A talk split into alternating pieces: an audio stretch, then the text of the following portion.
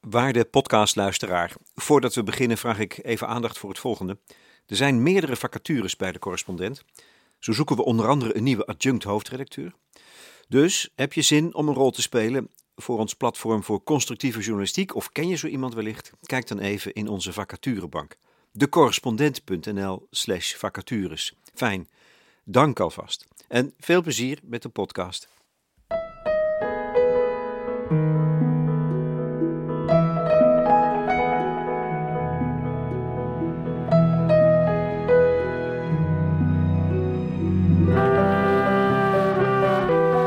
Gesprekken bij De Correspondent. Ditmaal met Manon van Hoekel en Eden over het bouwdepot. Een bijzondere vorm van steun aan thuisloze jongeren.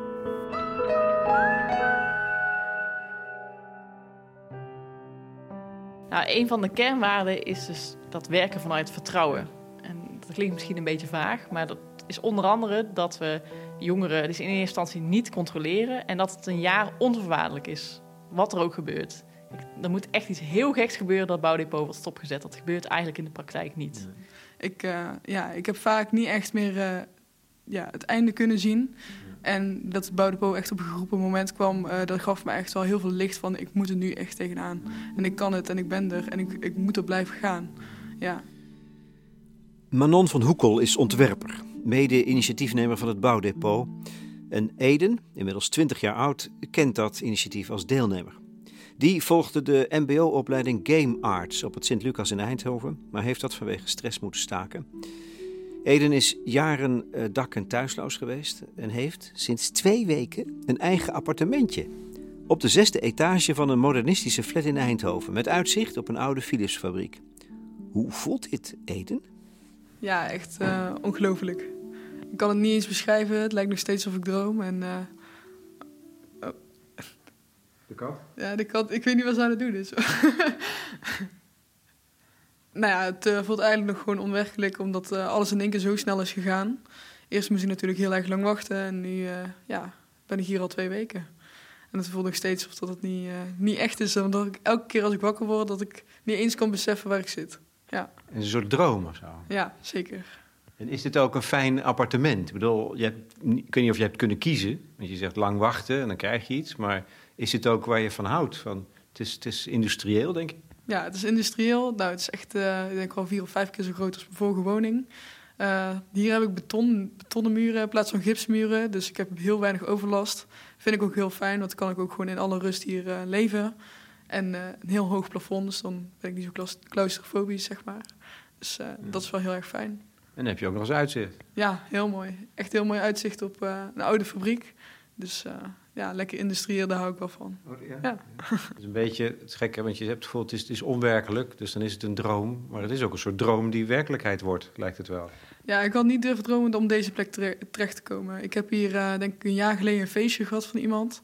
Geen idee hoe ik hier ben gekomen. Um, en toen zag ik hier ook het uitzicht. Ik was nog nooit bij iemand in, binnen geweest, maar wel in de openbare ruimte hier.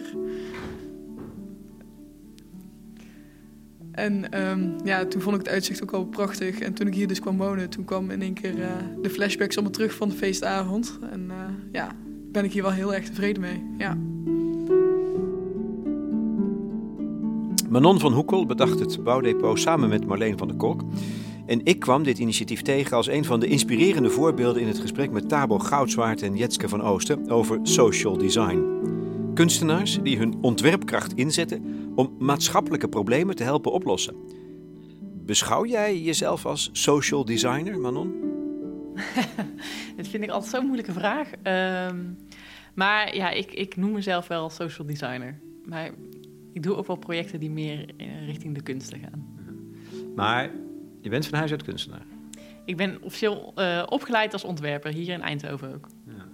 Dus dit is ook voor jou een vertrouwde omgeving. Ja. Jij um, hebt gezegd van nou, toen ik vroeg, ik wil wel met iemand praten die aan het bouwdepot mee heeft gedaan, dan moet je Eden hebben.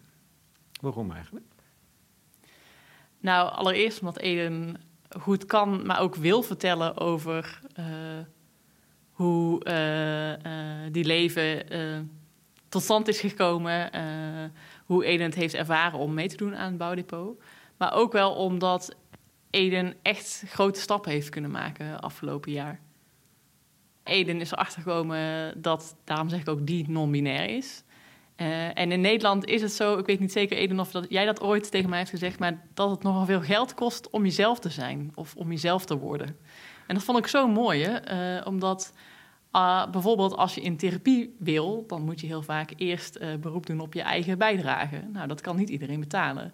Maar ook uh, in het geval van Eden, als, als die naar Amsterdam wil, naar het VU Medisch Centrum, waar ze daarin gespecialiseerd zijn, in non-binair zijn, ja, dan moet je even 40 euro neertellen om daar met de trein te komen.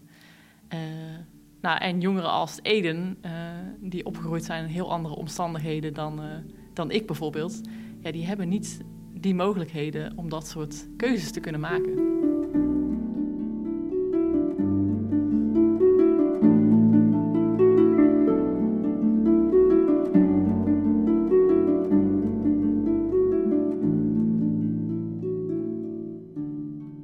Het bouwdepot biedt onvoorwaardelijke financiële steun aan dak- en thuisloze jongeren. Ze krijgen een jaar lang ruim 1000 euro per maand en het is in het leven geroepen omdat er een gigantische weeffout zit in het systeem. De overheid beschouwt mensen van 18 jaar en ouder als volwassen. Dat levert rechten en plichten op, jawel, maar geen bijstand. De overheid gaat er namelijk vanuit dat je op die leeftijd een beroep kunt doen op de ouders. En gaat daarbij dus gemakshalve voorbij aan het feit dat jongeren vaak in de problemen komen, omdat er helemaal geen veilige thuissituatie is. Ouders verzaken, kunnen het leven niet aan, zijn gescheiden of gewelddadig.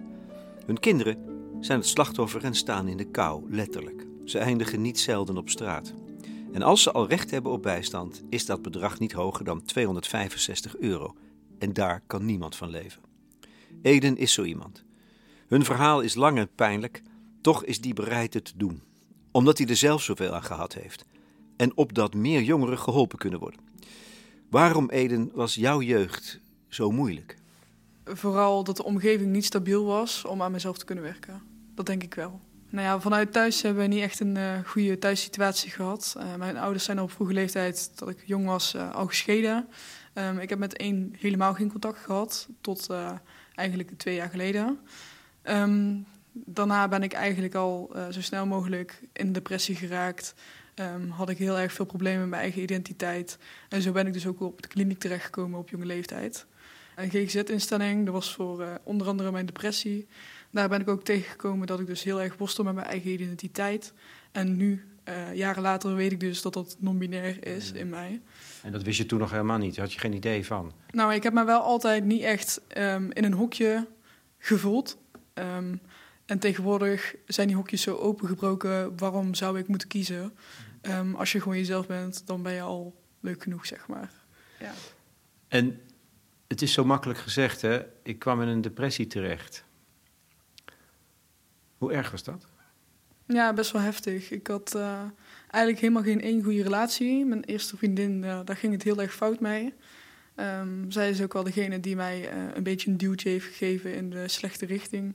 Alles op jezelf te verwijten, um, jezelf overal de schuld van te geven.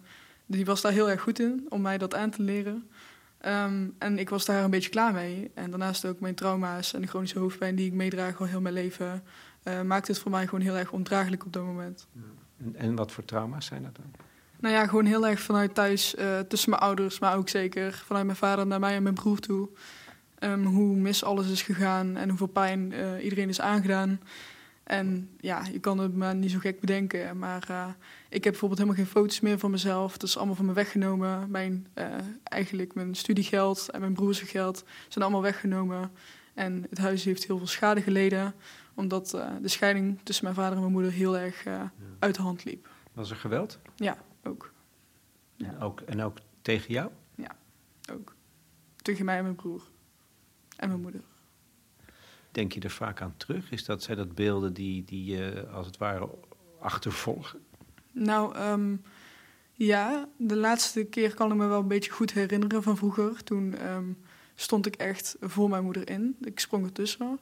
Toen heb ik zelf ook uh, het een en al opgevangen. Alleen, um, ik heb daar wel altijd heel erg over moeten praten van iedereen. Maar het werd zeg maar zoveel van mij verwacht. Ik heb ook meer dan 120 verschillende hulpverleners gehad. Dat ik alsmaar bleef praten, maar het gevoel niet kwijtraakte. Ja, ik heb zelfs zelf traumaverwerking gehad, alleen dat werkt gewoon niet bij mij. Ja. En nu ik eigenlijk stilsta en op dit plekje woon, uh, merk ik hoeveel impact dat vroeger heeft gehad. Juist, het je werd gedw eigenlijk gedwongen om te praten, terwijl dat niet de goede manier was of zo. Nee, voor mij niet. Juist, hoe meer ik vertel, hoe meer ik mezelf afsluit van mijn emotie. Geen veilig thuis, dat is evident, met nogal een erfenis uit het verleden. Um, je woonde ook niet meer thuis, denk ik. Waar woonde je wel? Nou, ik heb dus in een kliniek gewoond. Um, daarna ben ik heel even naar een safe house geweest. Een safe house? Voor jongeren? Ja, voor jongeren. Dan zit je daar van je, acht, van je twaalfde tot je achttiende, zeg maar. Dus je hebt heel veel verschillende kinderen daar zitten. Um, en die wachten daar allemaal op een verhoogplan. Dus dat is eigenlijk zeg maar, een plek om te ademen, een adempauze. Um, en dan gaat de rechter of iemand die daar buiten zit, of een voogd, die gaat dan beslissen wat er gebeurt met deze kinderen. Um, daarna ben ik gesloten, naar een gesloten jeugdinstelling gegaan in Zeeland. Toen was ik 16. Um, en dat heb ik heel lang mijn verhaal verteld. En na, uh, na een hele lange tijd dat ik daar heb gezeten, ik denk acht, negen maanden, uh, hebben ze gezegd dat het een onterechte plaatsing is geweest.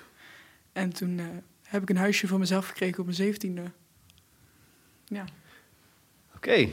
Maar en ben je dan ooit thuisloos geworden. Hè? Wat, wat het bouwdepot is voor dak- en thuisloze jongeren. Mm -hmm. uh, maar als je een eigen huisje had op je zeventiende, hoe zit het dan? Ja, dat klopt. Omdat ik uh, toen ik op mezelf woonde, dat was de eerste keer dat ik dus uh, een plekje had.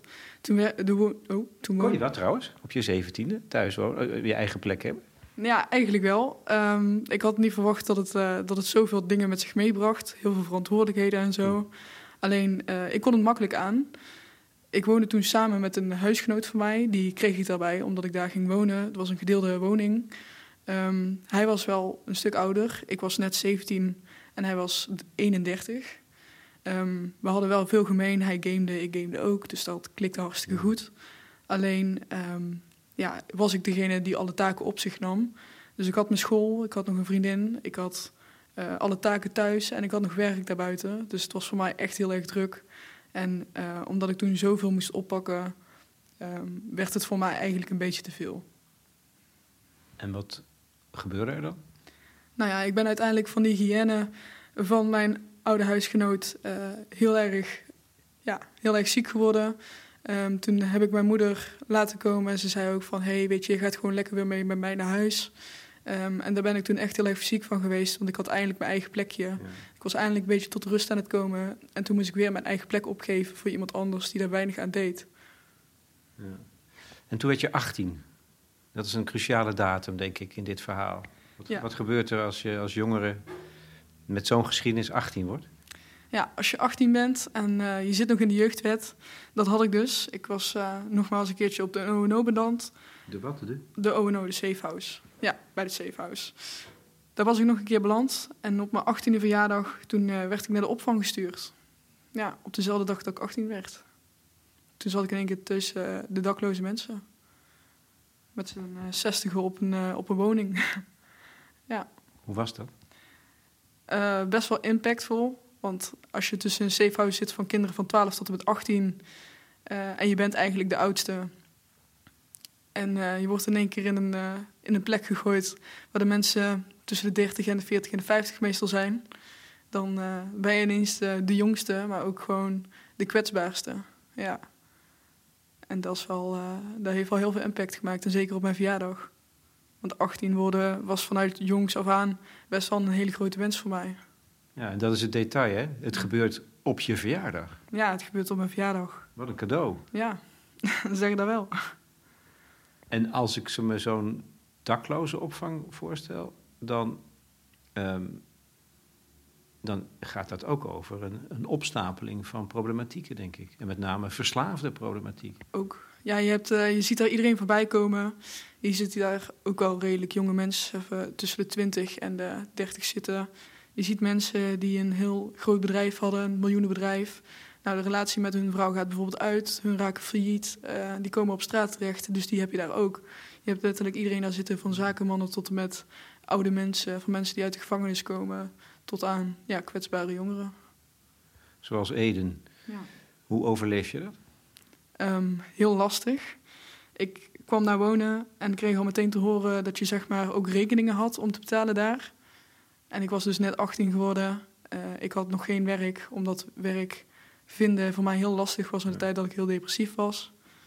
Um, het is zo dat in Nederland bij de opvang waar ik gezeten heb, de kosten hoger zijn voor de jongeren dan voor de volwassenen. Want jongeren horen niet dakloos te zijn in Nederland.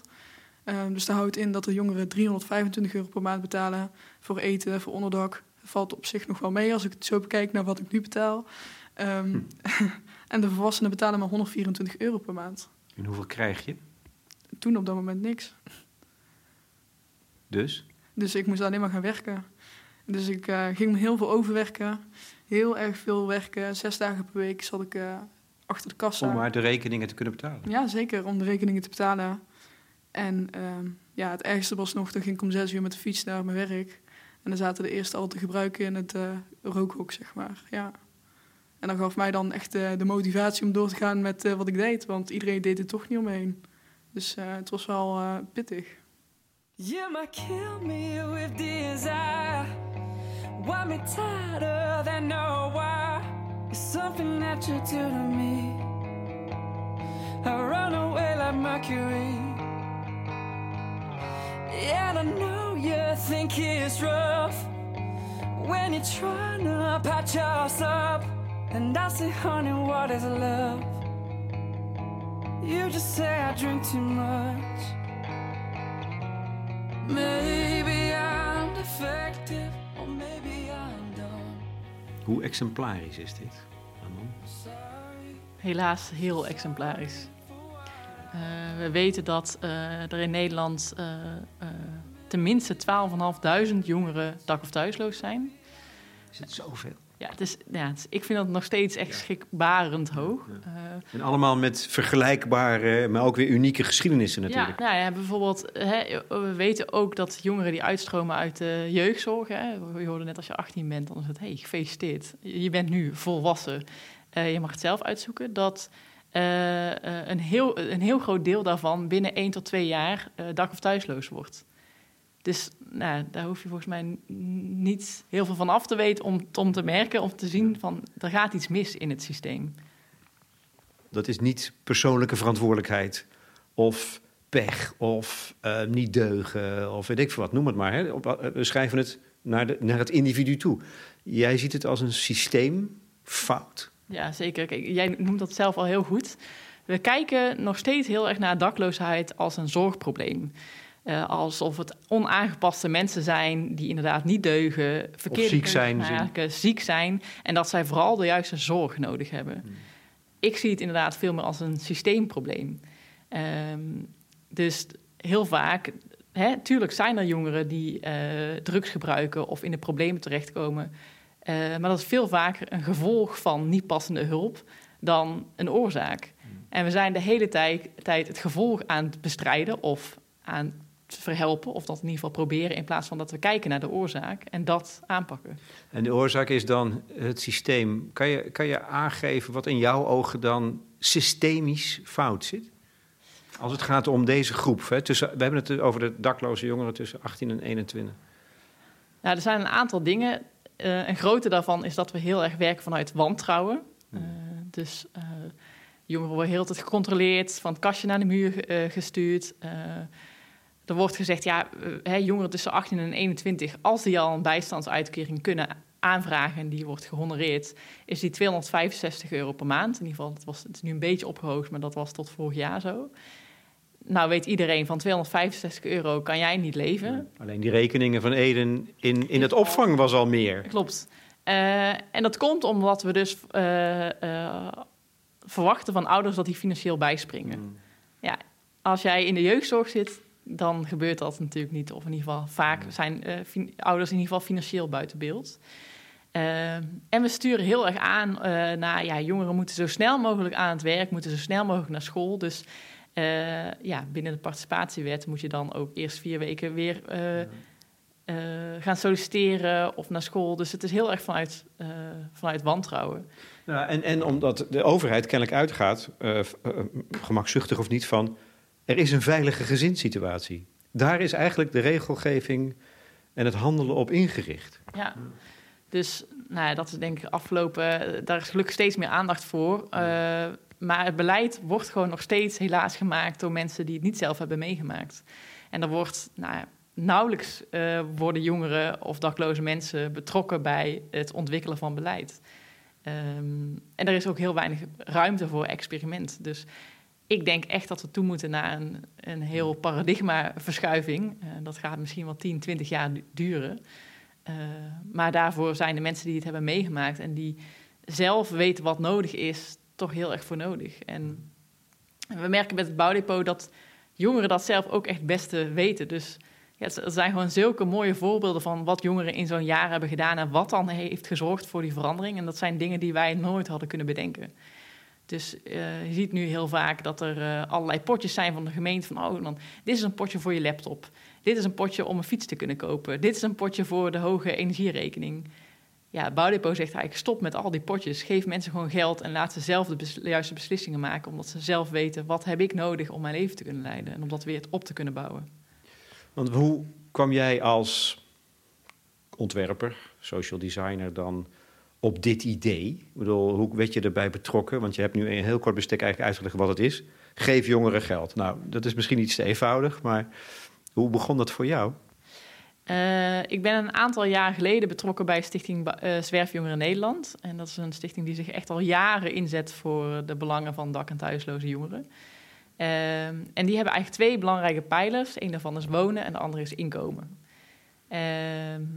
Ehm, en in de projecten die ik voor hen deed, ja, sprak ik heel veel met jongeren om maar te horen van... hé, hey, wat vinden jullie? Wat, wat, uh, wat, wat missen jullie nou? Wat hebben jullie nodig?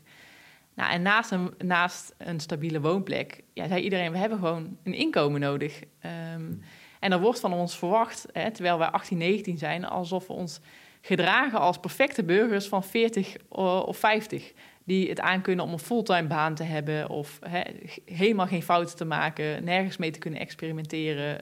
Um, ja, we hebben gewoon dat geld nodig. Um, en het gekke is. Als maar, je, maar, maar, je kan er bijna niet aan komen. Nee, je kan in die situatie niet. Nee, dus je kan een uitkering aanvragen. Als die al wordt uh, uh, uh, gehonoreerd, dan is die dus 265 euro. Die kan je dan in sommige gemeentes nog een beetje oplussen, maar dat is allemaal heel ingewikkeld. De andere route is echt werk vinden. Ja, de andere route is echt werk vinden. Tegelijkertijd, uh, en nou noem ik, daarom noem ik van het lijkt net alsof we vinden dat deze jongeren al helemaal als, als volwassenen uh, een bestaan moeten leiden. Kijk, dan stel ik de vraag aan jou, hoe, hoe, hoe was jij zelf toen je 18, 19 was? Ik heb denk ik wel 30 verschillende baantjes gehad. Deed ik hier weer iets, dacht ik, oh nee, dat is toch niks voor mij. Of oh, die baas, dat klikt echt niet in die leeftijd ben je ook heel erg nog aan het experimenteren met werk. En dat vergeten we nog alles. Uh, ze verwachten echt van de jongeren dat ze meteen een fulltime baan hebben. Nou, je hebt net van ene gehoord wat voor jeugd die heeft gehad. Ja, veel jongeren hebben echt een soort burn-out. Uh, en dan Als ze nog moeten beginnen. Precies, en dan is het echt veel te veel gevraagd en veel te hoog, hoge verwachtingen dat zij meteen fulltime gaan werken en hun eigen broek ophouden. En het interessante is dat uh, ik merk dat op, op die andere manier kijken naar die jongeren en dat ze dus misschien wel in een soort burn-out zitten en dat ze een rustpauze nodig hebben. Dus eigenlijk het, het tackelen van al die vooroordelen, dat is een soort spier die je moet blijven trainen. En ik ben al nou, inmiddels best een paar jaar betrokken uh, uh, bij dakloze jongeren en ik heb dat nog steeds. Dus soms hoor ik een dat, verhaal. Dat jij zelf die spier moet blijven trainen, ja, bedoel je? Dat ik nog steeds, als ik een verhaal hoor van een jongere die met zijn bouwbudget uh, een PlayStation heeft gekocht. Dan eerst mijn eerste interne reactie toch van oeh. Niet goed. Nee, dat is toch niet, niet zo'n slim keuze. Daar was het niet voor bedoeld. Nee. En dan hoor ik van hé, hey, uh, uh, die jongere kan eindelijk iets voor zichzelf doen. die kan een spelletje spelen om zich even terug te trekken. Online kan hij zich ook aansluiten bij die game community en leert hij daar ook weer andere contacten door kennen. dus waar ik misschien naar de sportschool ga of weet ik veel, met vrienden uit eten ga, ja, kies deze jongeren voor om een spelletje te spelen, om zo te ontspannen. Dat is eigenlijk net zo belangrijk.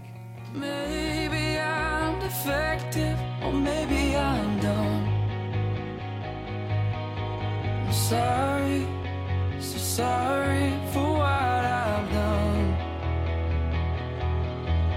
Maybe I'm bad natured, or maybe I'm young. sorry, so sorry for what I've done. And I'm Je bent in Eindhoven begonnen, meen ik, met vijf jongeren die toetraden tot het bouwdepot. En leg het nog even heel uit wat dat dan is, wat dat dan toen was. Ja, ze zijn inderdaad met vijf jongeren begonnen. Dat was helemaal op basis van fondsgeld. Want toen wilde echt geen één gemeente met ons samenwerken. Uh, want het lag allemaal politiek heel erg gevoelig. En ja, we moesten onszelf echt eerst bewijzen. We zijn met vijf jongeren begonnen en het idee is... jongeren die tussen 18 en 21 jaar zijn in een kwetsbare positie... dus vaak zijn ze of dak- of thuisloos of geweest... of dreigen misschien dak- of thuisloos te worden... die krijgen een jaar lang 1050 euro per maand. Helemaal vanuit vertrouwen. Geen regels, geen controle. Nee, nee ze doen mee aan een onderzoek. Uh, ja. Want we willen wel onderzoek doen naar wat de impact is op de jongeren... maar ook op het systeem en op de begeleiding... Uh, vaak hebben die jongeren al een begeleiding, dus we werken dan samen met lokale instanties. Uh, en in het begin van, van het jaar maken ze een bouwplan van hey, welke doelen heb ik nou eigenlijk voor, voor dit jaar. Maar als ze die niet halen of als die veranderen, worden ze daar niet, niet op, op gekort of zo. Het is echt onvoorwaardelijk. Uh, was jij een van die eerste vijf, Eden? Nee, dat, uh, dat helaas niet. Um, ik heb later mogen aansluiten. Uh, mijn begeleider die ik toen had, mijn begeleidster van uh, de springplank, die ook uh, ja, dak- en thuisloze helpt aan een woning en, en aan werk en zo. Dus eigenlijk gewoon zeg maar een persoonlijk, um, hoe noemen we dat, een persoonlijke groei zeg maar, die daaraan bijdragen. Zij zei van, hey, zou dit iets voor jou zijn? Nou, en ik was toen op dat moment echt heel hard aan het werken om al mijn, uh, ja, mijn hoofd boven water te houden. Met een soort burn, zoals Manon ja. zegt, een soort, een soort burn-out gevoel. Ja, zeker. Want ik uh, werkte zes dagen per week echt volop. En uh, ik had geen tijd meer voor mijzelf. En ik zette alles aan de kant zolang ik maar gewoon mijn centen kon verdienen. En wat dacht jij toen die begeleider begon over dit rare bouwdepot? Ja, de eerste reactie was van ja, daar ga ik toch niet, uh, daar ga ik toch niet aan mee kunnen delen. Dus ik zou het wel kunnen proberen, maar ik denk niet dat ik uh, gekozen word. Nee. Want? Ja, want ze zeiden je kan maar 30 personen uit Eindhoven die hier aan mee mogen doen. En uh, ja, ik had nooit gedacht dat ik een van die 30 zou zijn. Nee, echt niet. Nee. Vertrouwde je het wel? Nu, naarmate dat het dichterbij kwam, toen was ik wel zo van, uh, toen was ik wel tegen mijn moeder aan het zeggen van, hé, hey, uh, dus ze hebben nu een nieuw iets, dat is een pilot, die wordt gestart in Eindhoven. Hebben ze ook al op meerdere plekken gedaan. En het zou wel heel goed uitkomen, want ik had inderdaad een burn-out en um, ik hield mezelf zo boven water dat ik er helemaal aan onderdoor ging. En toen ik eindelijk bericht kreeg te horen dat ik eigenlijk mee mocht delen aan het uh, bouwdepot. Toen was het eigenlijk net op de ge geroepen tijd. Als het nog even langer had geduurd, dan was ik echt in, voor de eerste keer in schulden gekomen. Ja. ja, dat hebben we nog niet eens gehad, hè, over schulden. Heel veel jongeren in die leeftijd hebben dus schulden ja. opgebouwd. Had jij nog niet eens, omdat je zo hard gewerkt hebt, denk ik dan.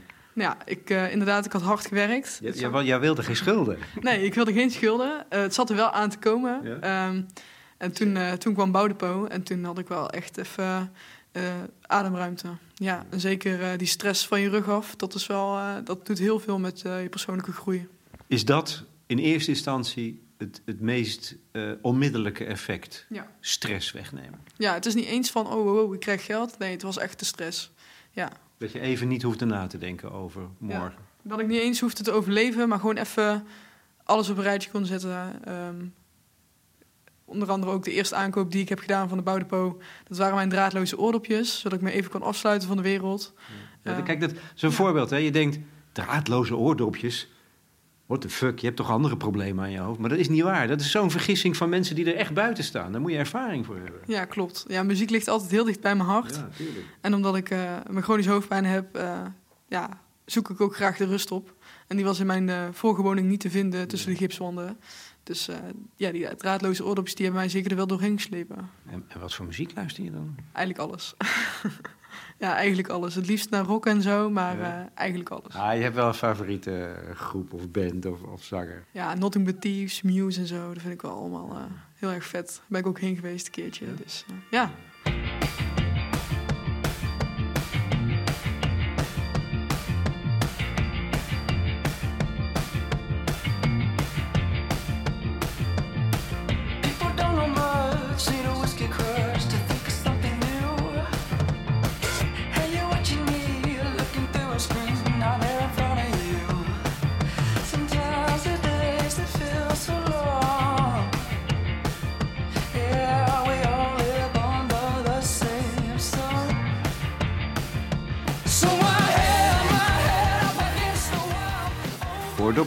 Is het eerste. En dan, wat gebeurt er dan? Ja, en dan ga je wel een beetje de tijd inhalen die je op de opvang niet had kunnen doen. Kijk, daar uh, sliep bijvoorbeeld met vier, uh, vier mensen, vier vrouwen, sliep ik op één kamer. Dus uh, kan je nagaan, je bent net 18, je komt op een plek en je ligt met vier mensen op een kamer te slapen. Um, spreken allemaal een andere taal. Ook nog eens? Ja, je spullen liggen daar, je hebt letterlijk daar alles liggen. Dus ik had mijn, mijn game laptop bij, want dat is wat ik over had van mijn opleiding. Dus het gaat over onveilig gevoel eigenlijk? Onveilig gevoel, maar ook zeker voor je spullen. Ja, ja. En... Um, ja, nu zeg ik niet dat iedereen daar niet te vertrouwen is, maar uh, het is zeker wel een angst die bij je blijft van als je maar wel gewoon van je spullen af blijft eigenlijk. Ja, ja als het uh, licht uit te drukken hoor, want uh, ik ben natuurlijk best wel wat dingen kwijtgeraakt daar. Um, dus wat, wat, wat, wat gebeurt er dan in die tweede fase? Maar... Ja, in die tweede fase, um, ik werd wel een beetje bevriend ook met de, de beveiligers en de ja, mensen die daar werkten als begeleiders op de opvangen. Um, dan was er bijvoorbeeld een, begeleid, of een beveiliger die kwam dan s'avonds beveiligen. En ik en de jongen van mijn leeftijd waren, waren de enige jongeren. Uh, die jongen naast mij die had zo ontzettend veel honger. Dat die beveiliger gewoon zei: Hey, weet je wel, hier heb je 50 euro bestelbaar aan thuisbezorgd. En toen hebben we gewoon voor heel veel mensen thuisbezorgd besteld. Dan zaten we met iedereen te eten. Met denk ik al bijna ja, 30, 40 man te eten in de woonkamer. Zodat uh, iedereen toch wel iets had. Dus je leert wel delen met elkaar. En uh, hmm. ja, het is wel echt heel erg geroepen als iemand dan zo lief is om uit zijn werkpositie nog iets te kunnen doen voor iemand. Zo. Ja. Dat is de andere kant hè, ja, van het verhaal. Je maakt ook heel veel dingen mee hoor. Ja. ja. Dus ook, ook mooie dingen, begrijp ik. Ja. ja. Maar jij, jij had opeens 1055 euro. De eerste maand, 1055 euro. Nou, zo duur waren die oordopjes niet, mag ik hopen. Nee, nee, nee, die waren niet zo duur. wat doe je dan? Ja, wat doe ik dan? Uh, ik ga natuurlijk die, uh, die tijd een beetje inhalen. Um, aangezien ik echt al ja, vier jaar niks heb kunnen doen uh, buiten instelling, buiten andere woonplekken. Dus ik ben een beetje mezelf een klein beetje gaan verwennen natuurlijk. Ja, ja dat vind ik leuk. Maar wat doe, wat doe je dan? Nou ja, eerst, alles, eerst wel gewoon de vaste lasten betalen, zoals de huur en zo. Um, en vervolgens, uh, nou ja, ik ging gewoon uh, iets leuks doen. Hmm. Dan ging ik ergens heen of ging ik eindelijk bij de bar waar ik normaal achter de bar sta, ga ik een drankje kopen. Doordat ik wel mijn eigen klant was, zeg maar. Dus dat was heel fijn. Ja. En uiteindelijk uh, ja, had ik wel vrienden leren kennen, dus ging ik iets leuks doen met hun. zijn gezin had dat ook niet zo breed, dus dan ging ik eten kopen en dan konden we toch even lekker iets koken samen. Uiteindelijk ook een vriendin aan overgehouden.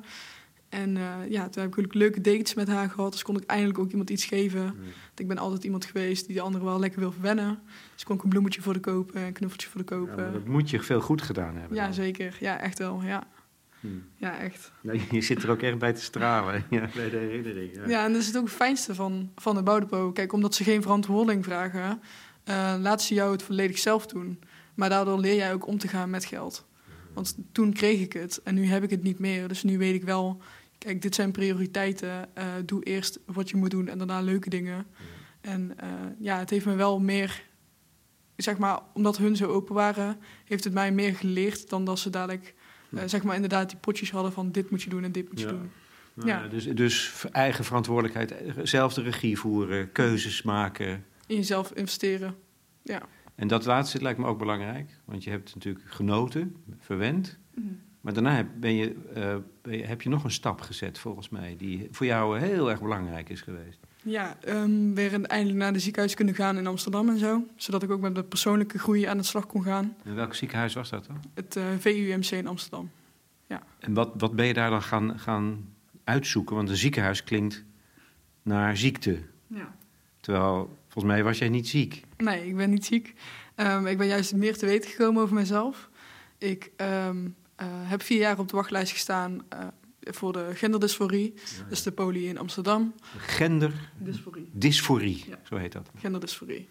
Um, nou, daar zoeken ze juist uit wie ben jij, uh, wat zijn jouw wensen, hoe voel jij je, heb je ergens hulp bij nodig en niet alleen um, het lichamelijke of iets, maar ook gewoon vooral het geestelijke.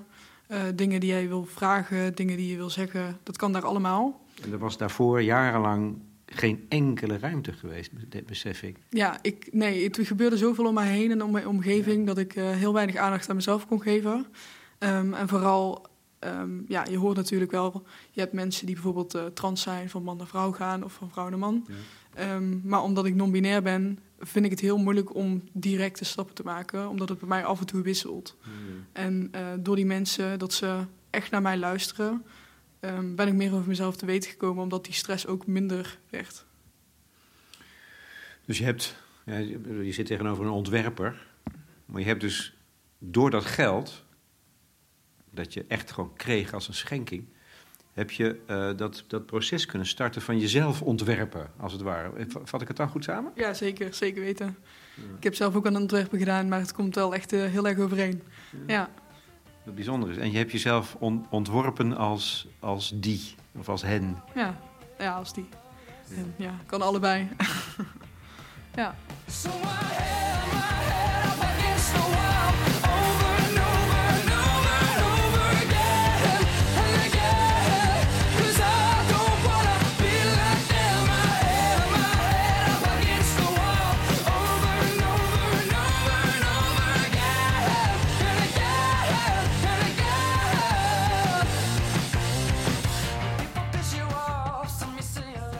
Gewoon hoe, uh, ja, omdat je nu even stilstaat, komt nu alles op je af. Ja.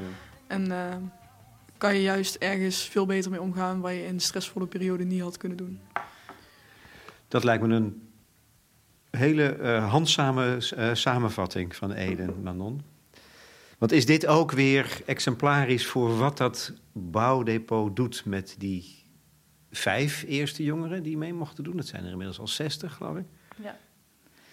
Ja, ik denk wat er exemplarisch aan is, is niet... Hè, uh, bij Eden is het dan dat ze echt ontdekt uh, dat uh, Eden een, een, die is... en ja. dat ze zich non-binair voelt. Ja. Um, maar dus echt zelf die keuzes kunnen maken. Ja. Dus een andere jongere die in het begin ging zij best veel blowen en dacht: Oh, lekker, ik kan nu een beetje achteruit uh, gaan hangen. En dan zou normaal in het huidige systeem alle alarmbellen afgaan en denken: Nee, ze, moet, ze heeft toch doelen, ze moet zich daaraan houden. En ja, wat de begeleiding doet, is meekijken. Ze laten haar niet los, maar wel even, laat haar even. Uh, en op een gegeven moment kwam ze erachter van: Ja, ik wil heel graag naar mijn land van herkomst terug. Oh, ja. uh, toen is zij dus naar uh, Afrika afgereisd. Um, en zag ze daarvan, wow, ik, ik had ook hier kunnen opgroeien. En dat heeft bij haar voor die klik gezorgd, waardoor ze dacht, shit, ik, ik wil er iets van maken van mijn leven. Ik heb, ik heb nu een kans gekregen in Nederland, die wil ik waarmaken. Uiteindelijk uh, is ze in contact gekomen met het geloof, dus ze is uh, christelijk geworden. Uh, en die is nu fulltime aan het werk, die voelt zich supergoed. en in het huidige systeem, zeg maar, iemand die een reis maakt uh, ja, dat, daar zouden we nooit, mee, nooit voor betalen. Nee, als nee dat is weggegooid geld. Nee, precies. Van ja, je gaat nog niet betalen voor een vakantie. Uh, ja, ze krijgt een uitkering. Terwijl, dus dat wil ik maar zeggen van... jongeren weten zelf vaak wat er voor nodig is om een stap te kunnen zetten. En voor de een is dat uh, naar Amsterdam afreizen... en de andere naar land van herkomst... Voor sommige jongeren is dat bijvoorbeeld een rijbewijs halen. Nou, als we dat zeggen, dan zegt het systeem ook rijbewijs halen. Nee joh, nou, dan krijgen ze blijkbaar veel te veel geld. Als jij je rijbewijs daarvan kan halen, nou, dat, dat is niet de bedoeling. Terwijl voor veel jongeren, en we merken dat eigenlijk bijna alle jongeren in het bouwdepot hun rijbewijs willen halen. Lukt niet altijd, of ze willen daar in ieder geval voor sparen. Um, maar veel, wat eigenlijk bij veel jongeren uh, wat hun overeenkomsten zijn, is dat ze eigenlijk niet een heel breed of sterk netwerk hebben. En dat betekent dat als jij gaat verhuizen, of uh, dat je niet even vrienden hebt die je zomaar kan opbellen van: hey, kom je bij mij even de vloer, vloer, leggen? Of kun je even deze bank van Marktplaats ophalen? Dus een rijbewijs zorgt ook ervoor dat je autonoom bent. Uh, het zorgt ook voor veel betere kansen op de arbeidsmarkt. Mm. Dus waar ik eerst ook dacht van hm, rijbewijs halen, denk ik nu ja, supergoed idee. Want daarmee investeer je in jezelf. Um, wat ik heb geleerd tussen mij en die jongeren die ik uh, gaande jaren heb leren kennen, door wat voor reden dan ook, dus een instelling, een kliniek en uh, dakloze opvang. Als je die jongeren die zo, uh, zoveel mee hebben gemaakt echt een kans geeft en het licht laat zien, dan zouden ze die ook zeker aanpakken.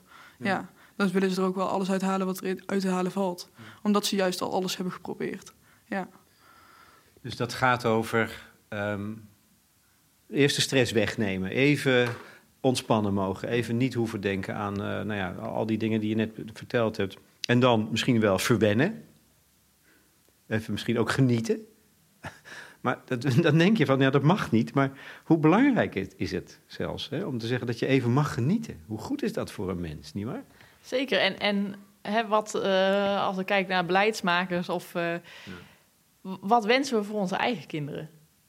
Probeer er ook zo eens naar te kijken. Uh, het zijn ook gewoon jongeren die af en toe ook een keer met vrienden naar de bioscoop willen of iets leuks doen, daar word je ook gewoon een fijner mens van. Dus je hebt af en toe die momenten nodig. En, dan ontwikkelt zich weer een nieuwe kracht, kracht ook. Hè? Zeker, ja. En, en zelfs van keuzes maken die misschien achteraf niet zo heel slim waren. Uh, ja, daarvan horen we van jongeren, ja, ik heb van die ene fout tien dingen geleerd. Ik heb nog steeds die schoenen waar ik iedere dag naar kijk, waarvan ik dacht, nou ja, was dat nou nodig? Ja, uh, ik heb zelf, toen ik net op mezelf ging, ook wel eens twee weken alleen maar boterham met pindakaas gegeten. Omdat ik iets had gekocht waarvan ik later dacht, ja, dat is niet echt nodig. Maar, heb, jij, heb, jij, ook zoiets? Uh, ja, ik uh, liep een beetje gaan op een date van mij en mijn vriendin. En toen uh, ja, was ik wel wat geld lichter, ja. wel het exclusiefste van het exclusiefste gepakt, maar dat mocht ook wel. wat dan? nou ja, we waren naar een privé-wellness geweest. Ja. En toen had ik ook wat snacks laten komen natuurlijk. En, Champagne? ja, ook. Ja, goed. en een bloemetje lag klaar voor de, met allemaal rozenblaadjes. Dus ik had er wel flink ingepakt. Maar ik hoop, mag hopen dat je wel een top dag had. Ja, zeker. En daarna ging ik gewoon naar huis en ging gewoon pizza eten. Dus, uh, ja. En, en, daarna dacht je nooit meer doen? Ja, toen dacht ik van, oh, misschien uh, volgende moment even niet. nee, maar we hadden het wel echt heel erg naar ons zin. En uh, ik had er ook gefilmd toen we binnenkwamen. En ze zat helemaal te springen van geluk. En, ja. Nou, en wat jij, wat jij eerder ook zei, van dat je nu, als je nog een keer zoiets doet, dat je dat dan eerder aan het eind van de maand doet. Omdat je dan weet wat je over hebt. Dus dat dat nou, een superbelangrijk leermoment. En ik denk, dit had iemand jou, een begeleider, vooraf kunnen zeggen. Van, nou, je moet altijd op het einde pas die uitgaan. Maar je leert dat pas echt als je dat zelf een keer meemaakt. Of zelf een keer die fout ingaat. En ik denk dat we nu... Ja, we geven jongeren helemaal geen ruimte. Of deze jongeren in ieder geval, om fouten te maken en daarvan te leren. Dus we willen ze de hele tijd daarvoor behoeden. Waardoor die ruimte er helemaal niet is. En ze die lessen misschien ook helemaal niet leren. Want dat is dus, dat is dus uh, stress weg. Nou, hoe fijn. Genieten mogen. Um, leren. Echt een leerproces hebben. En dan, zoals Eden um, zichzelf is gaan ontwerpen. Hè, dat is constructief weer bouwen aan een toekomst. Is dat dan de volgende fase? Die, waar, is daar ook al ruimte voor binnen dat jaar dat het bouwdepot duurt? Ja, dat ligt een beetje aan wanneer jongeren instromen. Ja. Dus hè, we zijn nu heel erg aan het onderzoeken uh, voor wie is het bouwdepot precies? Hoe lang moet het zijn? Want het is nu een jaar. Maar ik noemde al jongeren tussen 18 en 21. Ja, pas vanaf je 21ste kan je een uitkering krijgen van 1050 euro. Dus misschien moet het langer zijn. Uh, Eden had geen schulden toen ze startte aan het bouwdepot. Het, het, overgrote deel van de jongeren heeft dat wel. Ook best flinke schulden. Uh, we weten dat jongeren die normaal dus een bijstandsuitkering aanvragen... dat die gemiddeld 660 of 666 euro per maand schuld opbouwen. Dus als je dat een jaar of twee jaar doet, ja, dan reken maar uit hoe hoog die schuld dan is. Ja. Um, dus dan betekent dat er eigenlijk al zo'n enorme kluwe aan problemen uh, is dat het, ja, dat het eigenlijk best eerst een tijd kost om dat op te lossen. Dus uh, dan, is het al, dan is het best veel gevraagd om uh, je eigen broek op te kunnen houden. Nou, dat, is, dat, dat gebeurt dus voor sommigen, oh, is dat eerst wat er moet gebeuren, wat er kan gebeuren. Ja. Schuld afbouwen schuld afbouwen, uh, maar ook even een soort adempauze. Uh, dus ja, dat is per jongere verschillend. Daarom willen we ook, we willen het liefst helemaal naar preventie toe werken. Dus uh, Eden is in de crisisopvang terechtgekomen. Nou, dat, dat vinden we eigenlijk dat dat überhaupt niet mogelijk moet zijn.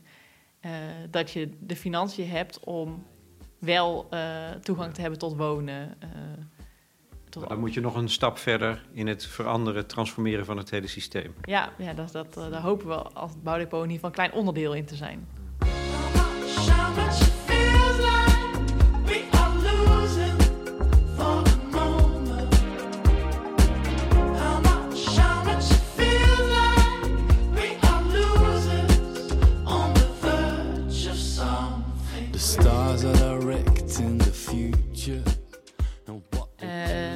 Wat wij ook heel belangrijk vinden is dat uh, jongeren mogen bijverdienen.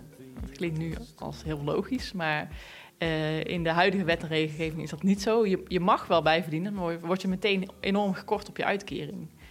Uh, nou ja, en we merken dat jongeren eigenlijk heel erg willen en moeten experimenteren met werk. Dus, en dat als je wordt gekort in je uitkering, is het natuurlijk niet super motiverend om dan te gaan werken als je daar bijna niks aan overhoudt.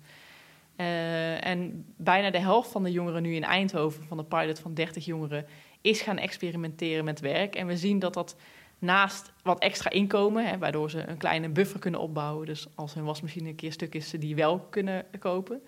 Uh, dat dat bijvoorbeeld ook een heel nieuw sociaal netwerk oplevert. Uh, dus wij vinden dat we dat met z'n allen juist zouden moeten stimuleren om kennis te maken met werk. Um, dus het is ook een soort domino-effect. Van het een leidt weer tot het ander. Ja, we merken echt dat het bouwdepot dus door het geven van geld... dat je ruimte geeft op heel veel andere leefgebieden. Ja. Mooi, hè? Ja, dat is zeker zo. En dat merk ik ook. Hun uh, gaven ons wel overal volle vertrouwen in. En op sommige plekken waar ik heb gezeten, daar moest je heel strikt uh, aan de regels houden. Bijvoorbeeld ook op een dakloze opvang. Iedereen, iedereen moet daar rond 8 uur s'avonds binnen zijn. Of je nou 18 bent of 50 jaar oud bent. Um, daar heb je niet zo heel veel uh, keuze en optie in. Dus moet je ooit een keer overwerken, ja, dan heb je wel gewoon een probleem. En omdat hier dus wel alles zo open, eerlijk ook gedeeld werd van beide kanten, um, gaf dat wel een veel fijner gevoel. Wat mooi. Overigens, jij bent als ontwerper, sta je aan de basis van het initiatief, klein begonnen. Inmiddels hè, wordt het groter en groter. En het ideaal is dat het de, de samenleving overneemt. Laat ik maar zo, een beetje ambitieus formuleren. Uh, ben je nog, ben je, als, als het eenmaal werkt, ben je dan betrokken bij de verschillende mensen? Uh, ik heb een keer gesproken met Denise Harleman, die had een heel vergelijkbaar soort project, maar dat werkte anders. En, en die zorgde voor buddies, dat mensen die geld kregen, um, die hadden wel een gesprekspartner. Is dat hier ook zo? Ja, jongeren hebben allemaal een persoonlijk begeleider. Uh, dus een beetje afhankelijk van de situatie van de jongeren spreken ze die één keer in de twee weken. Maar we hebben ook jongeren die, ja, die hebben eigenlijk helemaal geen zorg of begeleiding nodig. Uh, die, die spreken één keer per kwartaal met een begeleider. Dus dat is afhankelijk van de vraag van de jongeren en uh, de wens of behoefte of wat er nodig is. en mijn rol is eigenlijk vooral het ophalen van die verhalen van jongeren. En die bij de juiste mensen krijgen. Dus dat ja, het systeem niet alleen maar over deze jongeren praat, maar ook een beetje feeling krijgt van: hé, hey, wat, wat doen ze nou eigenlijk met dat geld? En waar lopen ze tegenaan? En wat leren ze? Uh, je ja, wilde mensen de ogen openen. Zeker, ja. En ook de vooroordelen die er dus bestaan, ja. die tackelen. Dat, dat, uh... ja. Nou, ik denk, als je dit hoort als wethouder, willekeurige gemeente, je staat te trappelen van ongeduld om er ook mee te beginnen. Is dat zo? Nou, eigenlijk moet ik zeggen dat steeds meer gemeenten echt enthousiast zijn. Dus eh, in het begin wilde niemand met ons samenwerken. Dat is inmiddels anders. Waarom niet? Omdat uh, het wordt nog heel vaak geframed als het geven van gratis geld. Uh, en we denken met z'n allen nog steeds... Uh, hè, jongeren moeten werken voor hun geld. ze moeten het niet zomaar verkwanselen. En het zijn jongeren die verkeerde keuzes maken. Ja. En dat zit er nog zo hardnekkig in. En ik denk ook dat de media daar enorm negatief op heeft bijgedragen. Hè. Als je nu dakloze jongeren intypt, dan krijg je alleen maar jongeren met een hoodie over hun hoofd getrokken onder een brug. Ja, dat, dat ze willen werken vanuit vertrouwen, helpt dat beeld niet echt. Daar speelt de journalistiek opnieuw eigenlijk een ontwrichtende rol in plaats van een, een, een, ja, een helpende. Ja, ik denk ook dat heel veel journalisten zich niet van bewust zijn als je een artikel schrijft en je schrijft iets over dakloze jongeren, ja, dan ga jij gewoon naar een beeldbank, uh, zoek je een foto. Ja, en dat is ook niet heel veel anders ander aanbod. Dat is nu weer even een zijproject waar we ons ook uh, met, tegenaan bemoeien. Dus we werken met allerlei fotografen om een nieuwe beeldbank uh, hebben we opgericht met representatieve foto's van jongeren die dak- of thuisloos zijn of zijn geweest, samen met hen. Um, dus nou, steeds meer gemeenten zijn wel uh, enthousiast, maar uh, vanuit de landelijke, landelijke politiek is het nog wel uh, vrij ingewikkeld, omdat het nog niet mag. dus maar terwijl je zou, want uiteindelijk, het is heel makkelijk uh, argumenten te vinden. Ik bedoel, jullie verhaal vind ik gewoon alleen maar een argument. Maar je kunt voor de neoliberalen ook nog zeggen: dit wat kost dit en wat levert het op? Ja, dat is een hele interessante. Want als je vanuit die hoek zou kijken, hè, dus puur van wat is de financiële winst.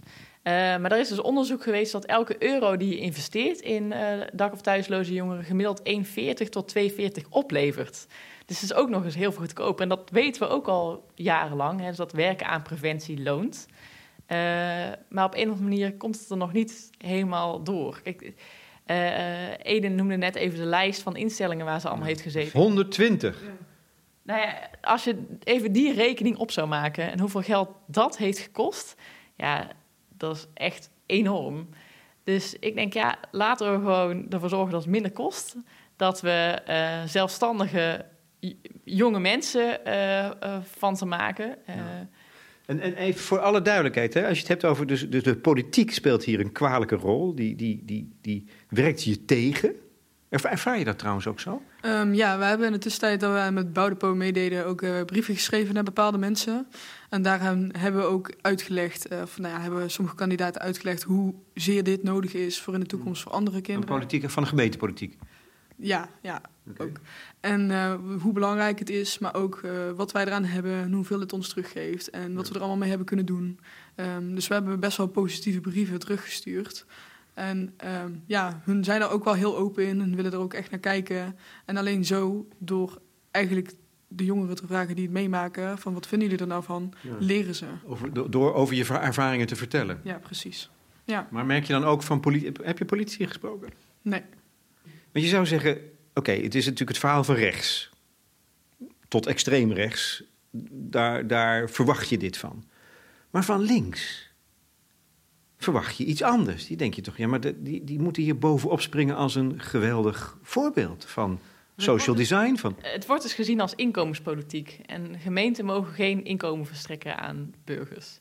Ja, maar dat is, dan, als dat zo is, dan verander je ja, nou de ja, wet. Dat is precies hoe ik denk. Van die wet hebben wij gemaakt, kunnen we het toch ook gewoon aanpassen. Uh, dan heb je toch een, een, een links speerpunt om daarop in te zetten. Ja, maar de werkelijkheid is helaas heel veel stroperiger dan dat. Begrijp je dat? Nee. Als ik eerlijk ben, uh, begrijp ik dat niet. Omdat, kijk, wij zijn het eerste project die het gewoon zijn gaan doen. Ja. Maar om heel eerlijk te zijn, van zo'n wereldidee is het nou ook weer niet. Toch? Bedoel, het geeft mensen gewoon voldoende inkomen. Ja. Uh, er staat volgens mij gewoon letterlijk in de grondwet dat iedereen uh, bestaanszekerheid moet krijgen. Nou, dat is dit gewoon. Um, maar ja, in de praktijk vinden we. Ja, ik denk zelf dat het zo in ons systeem zit ingebakken van. Uh, mensen worden lui, ze moeten werken voor hun geld. Uh, en nog steeds dat beeld van het is, het is hun eigen probleem, hun eigen schuld. Ja, dat we dus niet willen investeren. En da daarom ben ik ook ik ben heel op zoek naar metaforen waardoor mensen iets meer begrijpen in wat voor situaties jongeren dan zitten. Dus Eden, jij noemde al even burn-out. Nou, dat is een term die iedereen kent. Ja. Ook mensen binnen de Tweede Kamer, binnen de politiek. We kennen allemaal wel iemand die een burn-out heeft tegen iemand met een burn-out ga je ook niet zeggen van... nou, kom op, je moet gewoon gaan werken. Hmm. Dan, dan eh, wordt het uh, allemaal veel beter. Dus ja, dus het vraagt echt op een, om een heel andere manier van denken. Ja, kijken naar de mens, zou ik zeggen. Ja, dat heb ik vooral in mijn situatie gehad. Ik bedoel, uh, ik heb wel contact met mijn moeder, maar mijn vader niet. ook tijdens de scheiding, mijn vader heeft het alimentatie betaald... Um, en omdat ik nu eigenlijk in de categorie val van 18 tot en met 23 jaar, werd er altijd van mijn moeder verwacht dat zij overal zou voor kunnen bijspringen. En ik zelf heb heel erg uh, daar moeite mee. Want mijn moeder heeft inderdaad echt veel voor mij gedaan. Als je nou bijvoorbeeld kijkt in mijn nieuwe woning, um, wat ik hier heb staan. Hun hebben zeker een steentje aan bijgedragen. Alleen ik ga niet mijn moeder alles opleggen. En dat wil ik ook niet. En omdat ik daar altijd tegenaan liep, ook voor een uitkering, altijd werd er gezegd, een van je ouders moet bijspringen. En als er eentje niet kan, dan vraag je het aan de ander. Alleen, ja, dat gaat het niet helpen bij de situatie waar ik in zit. Dan willen ze gewoon echt niet weten in wat voor situatie jij zit. Ja, ja en daarom uh, ja, ben ik gewoon heel erg voor het Boudepot. En hun hebben mij heel veel uh, geholpen de afgelopen jaar. En daarom zit ik hier nu ook te praten. En uh, wil ik ook altijd blijven praten, want het is voor mij een hele positieve ervaring geweest. Overigens, het, het, is, het is begonnen op fondsgeld. Er is een wat wethouder geweest die erin gestapt is. Ja. Is, dat dan een, is dat dan een wethouder met moed geweest? Ja, ja dat is wat, precies wat we nodig hebben. Wethouders met lef. En in Eindhoven was uh, inderdaad Renate Richters de wethouder die als eerste opstond. En die is hier gewoon voor gaan staan. Van, het maakt me niet uit of het mag of niet. We gaan dit gewoon doen. Want deze groep is er. Deze jongeren zijn er. En die zakken steeds dieper en dieper in de problemen. En daar voel ik me verantwoordelijk voor. Dus die heeft de wet aan de laars gelapt. Ja, zo zou je het wel kunnen noemen, ja. En hoe staat zij daar nu in? Ja, is- Trouwens, is, is ze gestraft? Is, is er iets gebeurd? Zit ze in het gevangenis? Wat is er met haar aan de hand? Nee, vanuit de landelijke politiek kijken ze wel eh, mee en ze zien dit nu eh, door de vingers. Eh, Renate Richters is momenteel geen wethouder meer, maar die heeft dus, dit wel helemaal aangejaagd. En het, het positieve nieuws is dat het bouwdepot zo goed is gevallen in de gemeente dat we dit jaar starten met weer 30 jongeren.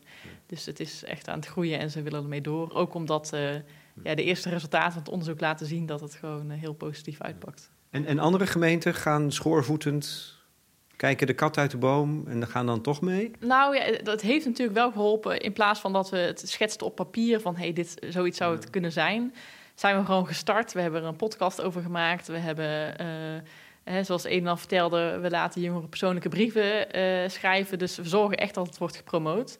Eh, inmiddels zijn er vier gemeenten die pilots doen. En we willen uitgroeien naar maximaal tien gemeenten. Want we vinden dat er dan wel echt... Ja, we hebben moeten leren van wat is nou de beste vorm. maar ook hoe kunnen we het zo doen dat het, dat het... Hoe kan het systeem zich zo aanpassen dat dit mogelijk is? Dat het eh, niet alleen maar door de vingers wordt gezien... maar dat het gewoon onderdeel is van wet en regelgeving.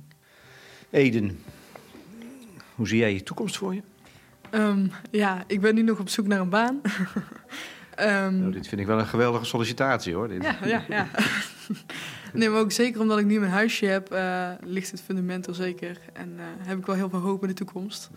En nu ik eh, mijn huisdiertje eindelijk terug heb, na eh, anderhalf jaar niet te zien te hebben. Die is trouwens even stil hè, maar Ja. ligt. Lekker in het bandje. Oh, met uitzicht op Philips. Ja. De schoorstenen, de wapperende vlag, staat een straffe wind. Mooi weer. Ligt Want dat, dat, dat, dat, is, dat is een kameraad ook natuurlijk. Ja, zeker. Alleen eh, was die niet toegestaan in mijn doorstroomwoning. Toen heb ik er helaas onder moeten brengen bij een privé pleeggezinnetje. En nu is ze net twee dagen terug. Ja, dus we bouwen samen hier aan de toekomst. Dat is het. Dat- Je hebt, je hebt dat vermogen weer... Want het is wel gestopt hè? Je moet het nu weer helemaal op eigen kracht doen. Ja, dat is ooit nog wel even een beetje lastig. Ehm, maar ik weet hoeveel eh, alles kost nu en eh, hoeveel hard werken voor nodig is om eigenlijk die 1050 te krijgen. Ehm, dus dat geeft mij zeker wel drijfveer. En zeker omdat ik het nu tot deze tijd al heb kunnen rekken, heb kunnen overleven, moet het mij zeker in de toekomst ook gaan lukken.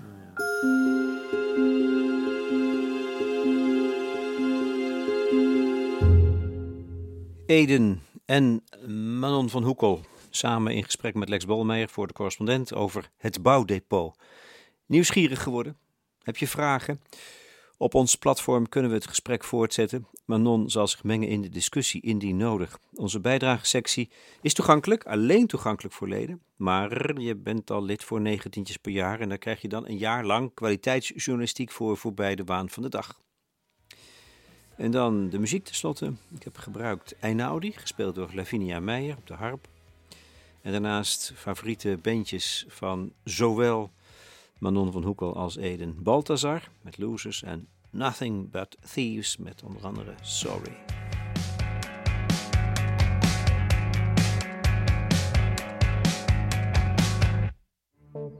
Het is de missie van de correspondent om voorbij de waan van de dag te gaan. Onze correspondenten voorzien het nieuws van context en schrijven over de grote thema's van deze tijd. De correspondent geeft me de vrijheid om mijn nieuwsgierigheid te volgen en de tijd om verhalen te schrijven. En zo probeer ik onzichtbare structuren zichtbaar te maken en een andere kijk te bieden op debatten die het nieuws domineren.